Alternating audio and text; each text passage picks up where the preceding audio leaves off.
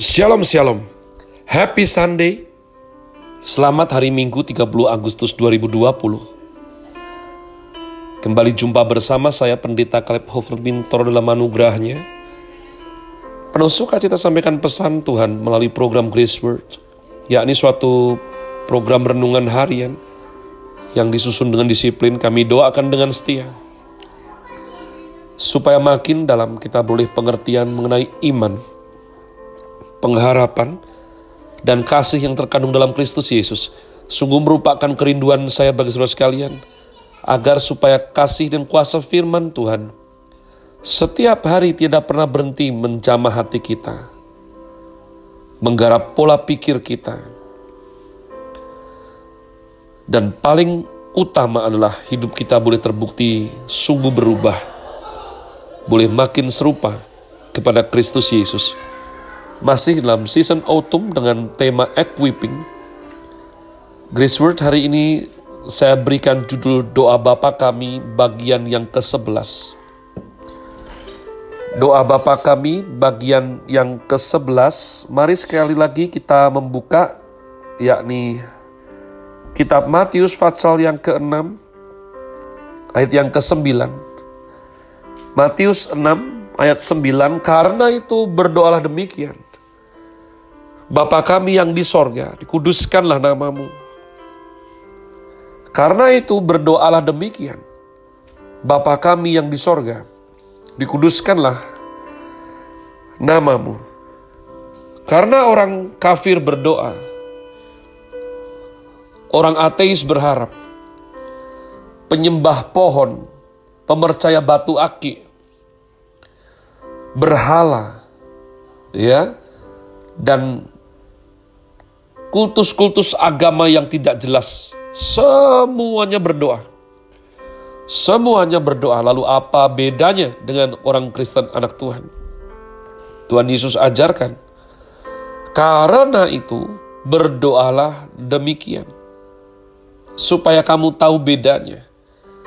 Supaya kamu sadar bahwa hanya kamu sebagai anak-anak Tuhan yang diajarkan langsung oleh Tuhan untuk berdoa demikian. Bapa kami yang di sorga. Kalimat doa yang diajarkan Tuhan Yesus ini adalah benar adanya. Kalimat pertama adalah Bapa kami yang di sorga. Namun sesungguhnya judul yang diberikan oleh Lembaga Alkitab Indonesia untuk doa yang diajarkan Tuhan Yesus ini kurang tepat. Maka yang betul adalah the Lord's Prayer. The Lord's Who is Lord? Jesus Christ is the Lord. Ya. Kenapa? Karena kalau seperti Indonesia translate-nya doa Bapa kami, memberi kesan seolah Bapak yang berdoa. Bapak tidak berdoa umat Tuhan. Doa ini diajarkan Tuhan Yesus kepada manusia, agar manusia mengerti bagaimana bisa berdoa kepada Allah Bapa dengan benar. Meskipun demikian, saya tidak mau sok pintar untuk mengganti ya, karena kita sudah familiar dengan frase doa Bapa kami.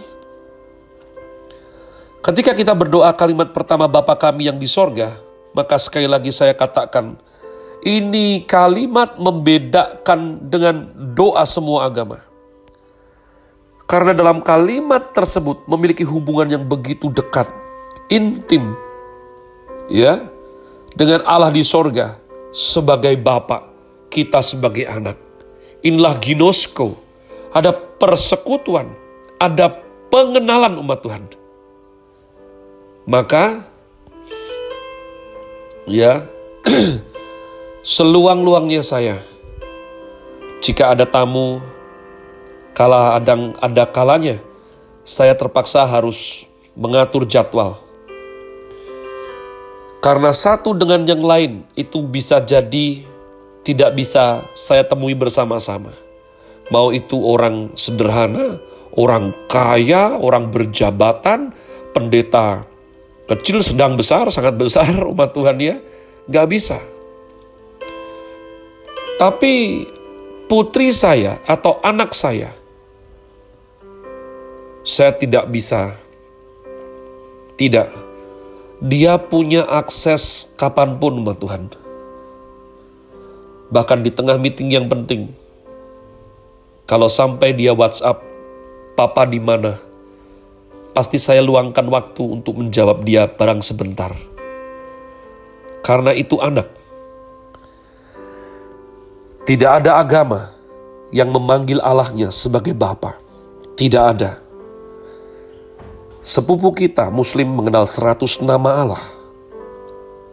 Sungguh merupakan fakta bahwa tidak ada Bapa. Dalam Hindu Buddha, Konfusianisme, juga Taoisme, tidak ada kalimat Bapa kami yang di sorga. Maka di sini kita melihat anugerah Tuhan diberikan kepada kita untuk menjadi anak-anak Allah. Dari sejak perjanjian lama, Tuhan berkata, yang bukan anakku dan umatku. Aku memanggil mereka sebagai anakku dan umatku. Dan aku juga akan disebut mereka sebagai Bapa. Tuhan Yesus datang ke dunia dan mengajar, barang siapa yang mempunyai anak, ia mempunyai Bapa. Barang siapa tidak mempunyai anak, tidak mempunyai Bapa. Siapa mengenal anak, mengenal Bapa. Tuhan Yesus berkata kepada Filipus, ketika Filipus bertanya, Guru, tunjukkan Bapa kepada kami. Tuhan Yesus menjawab, Sekian lama engkau bersama-sama dengan aku, masih belum mengerti juga. Engkau melihat aku, engkau melihat Bapa. Engkau melihat anak, engkau melihat Bapa. Jadi umat Tuhan, Kalimat seperti ini tidak pernah muncul dari pendiri agama mana pun. Maka saya rindu aja untuk kita semua sadar betapa hebatnya anugerah, betapa luar biasanya kasih karunia yang diberikan Tuhan kepada kita. Diberikannya hak istimewa. Bapa kami yang di sorga. Doa orang Kristen diajarkan oleh Tuhan Yesus bukan minta uang, bukan minta kesejahteraan, bukan minta kesehatan, anak, jodoh, kekayaan dunia apalagi. Berdoa minta hidupnya enak, mewah, bukan juga. Sadarlah bahwa ini pelajaran bagi kita. Orang Kristen diajar Tuhan Yesus untuk pertama kali berdoa tidak memikirkan diri sendiri. Bukan, saya ingat sekali sebelum saya diajar roh kudus sampai titik ini. Setiap kali berdoa. Kenapa saya berdoa? Saya berdoa karena saya butuh sesuatu. Setiap kali berdoa, sudah ancang-ancang. Mau minta apa ya? Apakah itu semua salah? Belum tentu. Tapi jika hanya itu sudah tentu. Sudah tentu apa Pak? Sudah tentu keliru. Maka kalau berdoa pertama kali sebut, ngomonglah demikian. Bapa kami yang di sorga. Dikuduskanlah namamu ini melampaui kebutuhan kita. Orang Kristen tidak diajar Tuhan Yesus berdoa berdasarkan kebutuhan diri sendiri. Itu adalah doa orang penyembah berhala. Doa orang-orang tidak mengenal Tuhan.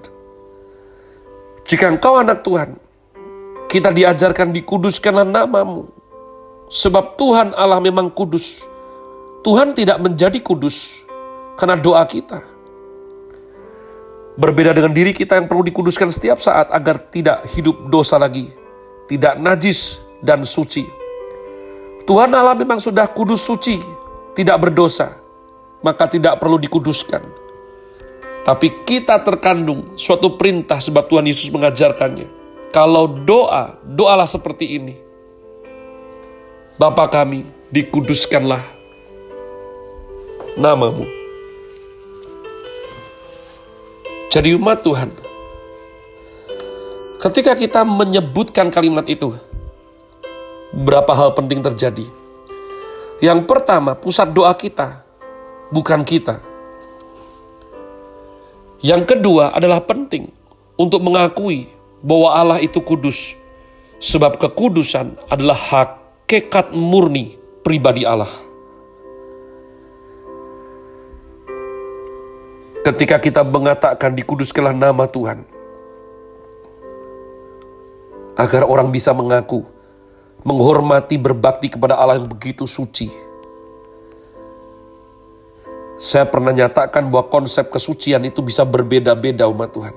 Bisa berbeda-beda. Di protestan diindikasikan dengan moralitas.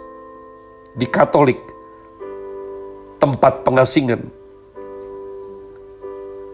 Bahkan di agama Hindu-Buddha, bisa disebut penderitaan. Ada orang duduk tidur di papan yang semua dipaku tajam. Makin menderita, makin suci. Ada orang-orang berkata, emas itu suci. Emas itu murni. Maka dia mencari emas banyak-banyak, menjual nama Tuhan. Kenyataannya di mana-mana sering, inilah kenapa ateis bertumbuh, karena orang disebut suci, justru hidup tidak suci. Istilah kekudusan dirancukkan dengan berbagai macam pandangan, sehingga perlu kembali kepada kitab suci. Ketika Tuhan Allah memberikan Taurat, dalam Roma Fatsal 7 Rasul Paulus mengatakan bahwa Taurat menyatakan kesucian, keadilan dan kebajikan Allah. Maka ada perbedaan mutlak dan definitif antara pengertian kekudusan dalam kitab suci kita dan semua agama di dunia ini. Saya berdoa supaya kita beroleh anugerah untuk memahaminya. Saya akan lanjutkan dua hari ke depan. Sekali lagi happy Sunday. Tuhan Yesus memberkati saudara sekalian. Sola. Grazie.